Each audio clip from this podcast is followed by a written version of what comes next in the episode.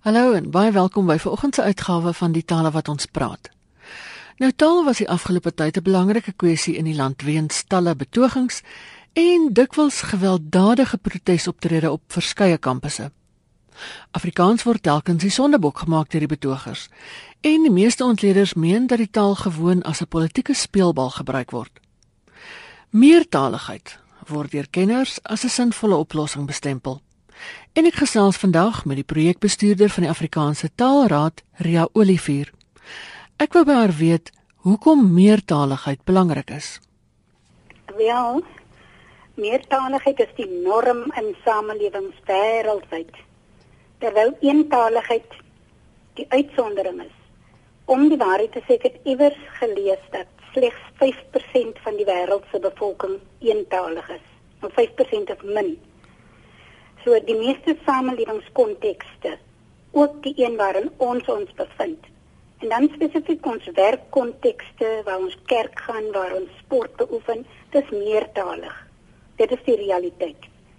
So dit spreek vir my van self dat om effektief te kan funksioneer in so 'n meertalige opset soos in ons samelewing. As 'n kennis van die van die betrokke tale meer voordelig as wat 'n mens net een taal sou ken. Ek bedoel dit is dit is dit is amper vir my 1 + 1 is gelyk aan 2. Ja. Ja. Ehm um, ek sou die volgende ook wil byvoeg. Baie ouers ehm um, verlang toenemend dat hulle kinders Engels moet bemeester, selfs ook deur medium Engels moet leer.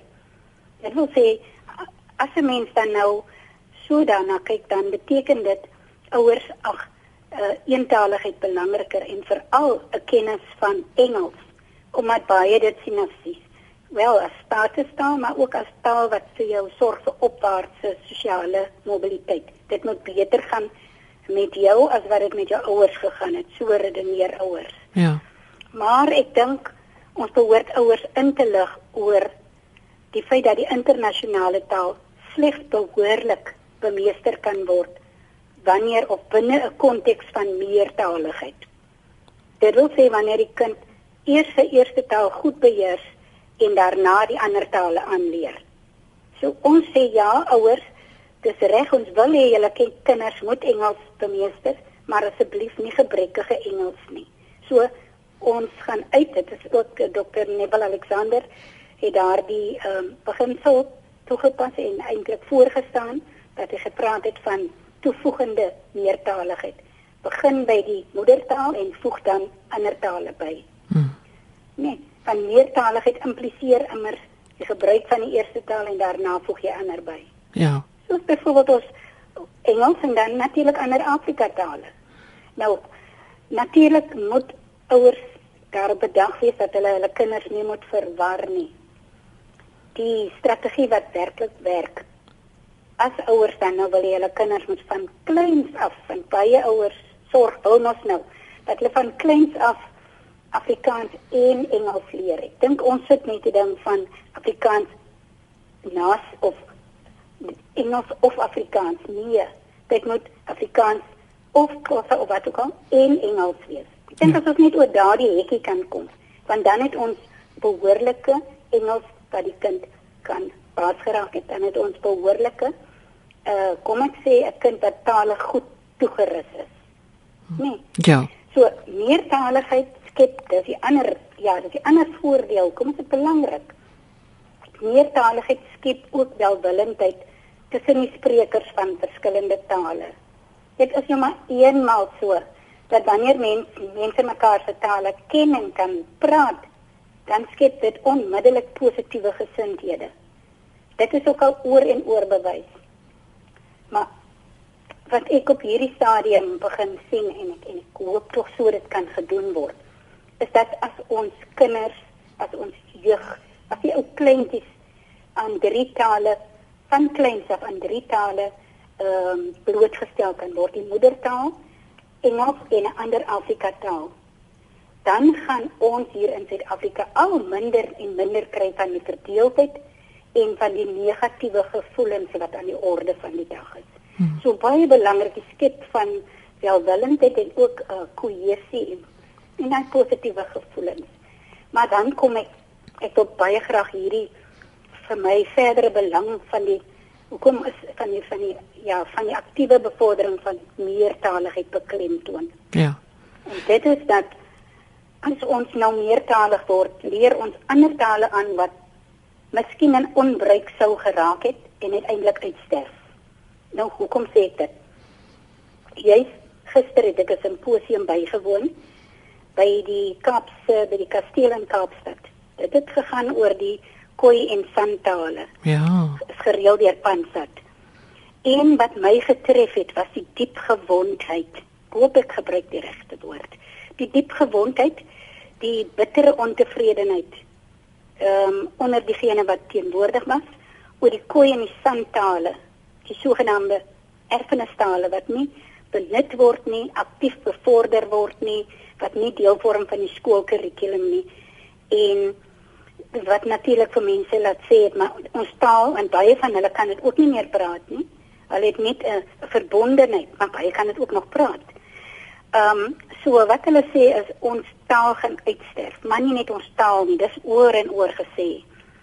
Ehm um, nie net ons taal nie, maar ook ons kulture en ons kennisstelsels is besig om uit te sterf. Mense sal daar niks meer van weet nie.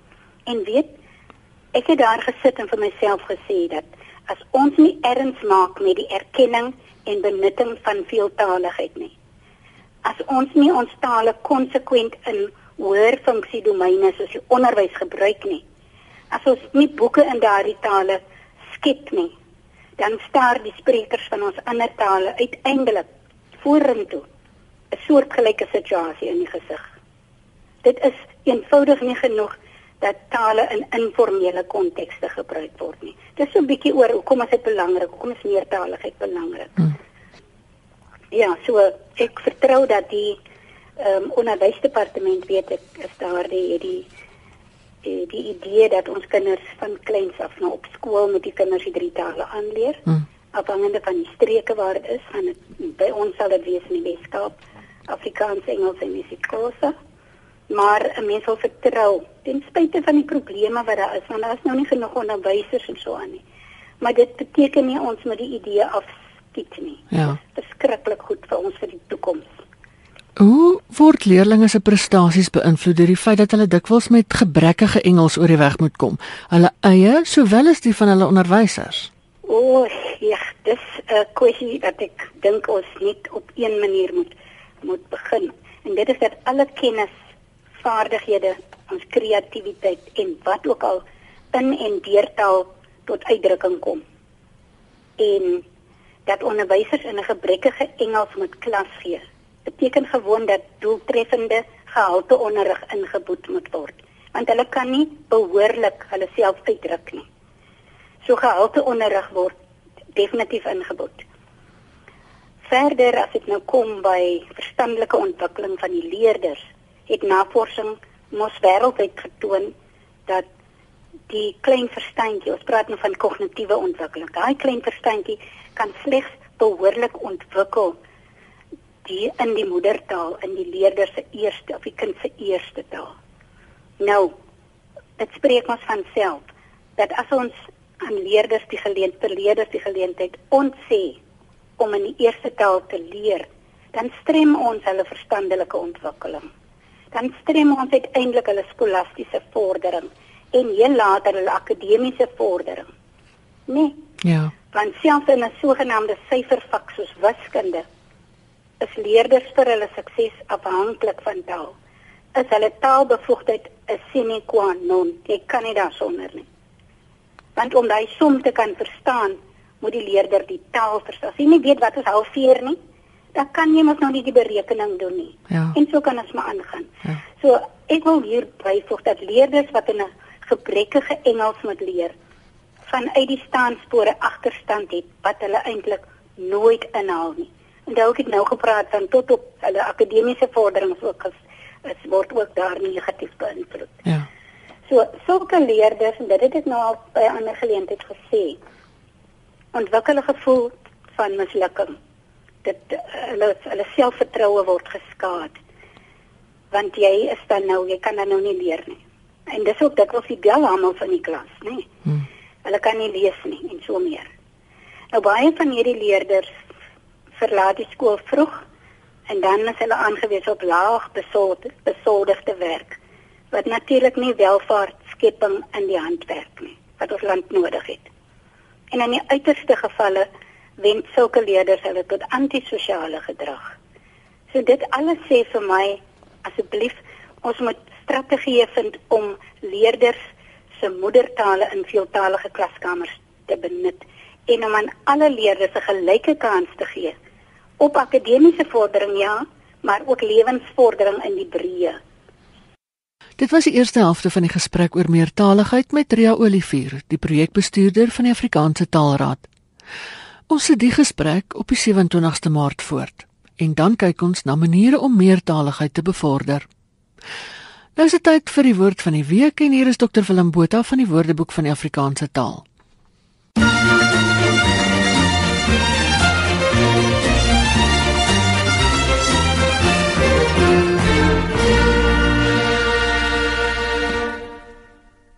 Vanoggend praat ons oor skollie en fabond. Ons bly maar by die ondeende persone. Nou 'n fabond is eerstens dan nou 'n ondeende persoon en ons gebruik dit skertsend. Dit is meer gunstige betekenis. Jou klein fabond, waar kry jy weg?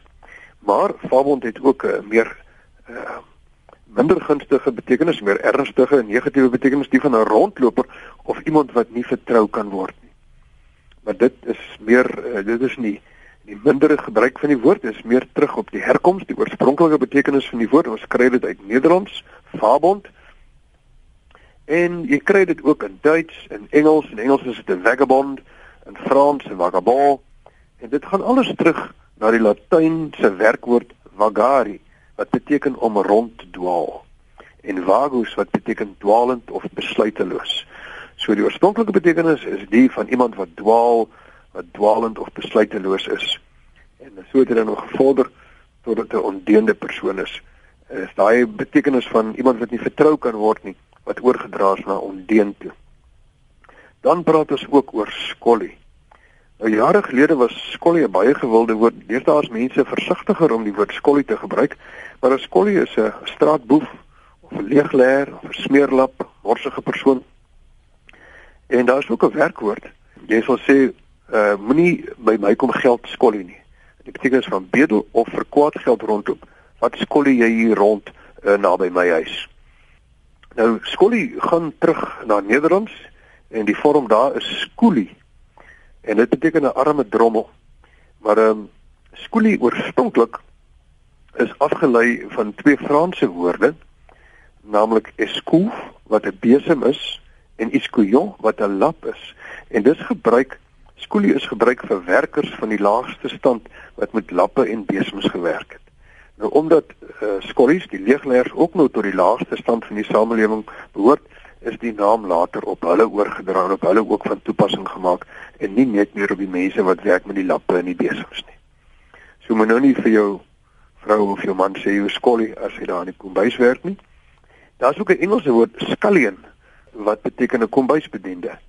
En dan uh ook die woord scullery, die oppaskombuis in Engels is ook afgelei van escouve en escouillon, die lap en die besem. So dis waar jy met die lappe en die besems werk. Nou ietsie oor borgwoord. Onthou dat vir jaar kan twee persone elkeen 'n Sanlamprys van R25000 wen deur aan borgwoord deel te neem en jy help om die grootste projek rondom Afrikaans ooit te voltooi naamlik die Woordeboek van die Afrikaanse taal. Nou enige persoon kan enige Afrikaanse woord borg. Die woord hoef nie in die WAT of enige ander woordeboek te wees nie. Dit kos R100 en jy kry 'n sertifikaat van die WAT met jou naam en die woord of woorde wat jy geborg het. Vir R5000 mag niemand anders daardie woord borg nie. Want teen R100 kan meer as een persoon dieselfde woord borg, maar elkeen kry 'n sertifikaat met sy naam daarbey. Nou dis 'n bonusjaar omdat ons 90 jaar oud word vir jaar en ehm um, behalwe die twee pryse van R25000 van Sanlam kry elkeen wat 'n woord borg vir 6 maande gratis toegang tot die aanlyn WAT. En indien jy 'n woord eksklusief borg, borg vir R5000 kry jy 5 jaar gratis toegang. Om deel te neem, gaan eenvoudig na ons webtuiste www.wat.co.za wat kosa of Google Woordeboek vir die Afrikaanse taal of borgewoord en jy sal volledige inligting kry. Interessante borgskappe uh, wat ons onlangs gehad het was van Theo Venter. Hy het die woord draadloos geborg. Nou, die ouer mense sal miskien onthou dat ons in die ou dae van 'n draadloos gepraat het en nie van 'n radio nie. Hy borg kofferkarretjie. Nou dis wat die Boesmanlanders uh, gebruik vir 'n Venter sleepwaandjie. Alles wat agter iets aangetrek word is 'n karretjie. So kry jy ook 'n skaapkarretjie. Ehm um, enige iets wat getrek word is 'n karretjie. En dan het hy ook die woord verfetter geborg en hy verseker my dat in die Boesmanland en in die Namakoland en ook in Namibië is dit glad nie 'n vloekwoord nie. En dan het ehm uh, Kirsten Eksteen twee woorde eksklusief geborg. Pottebakker vir R5000 vir sy vrou Louise Eksteen en Natuurus eksklusief vir Brian Eksteen.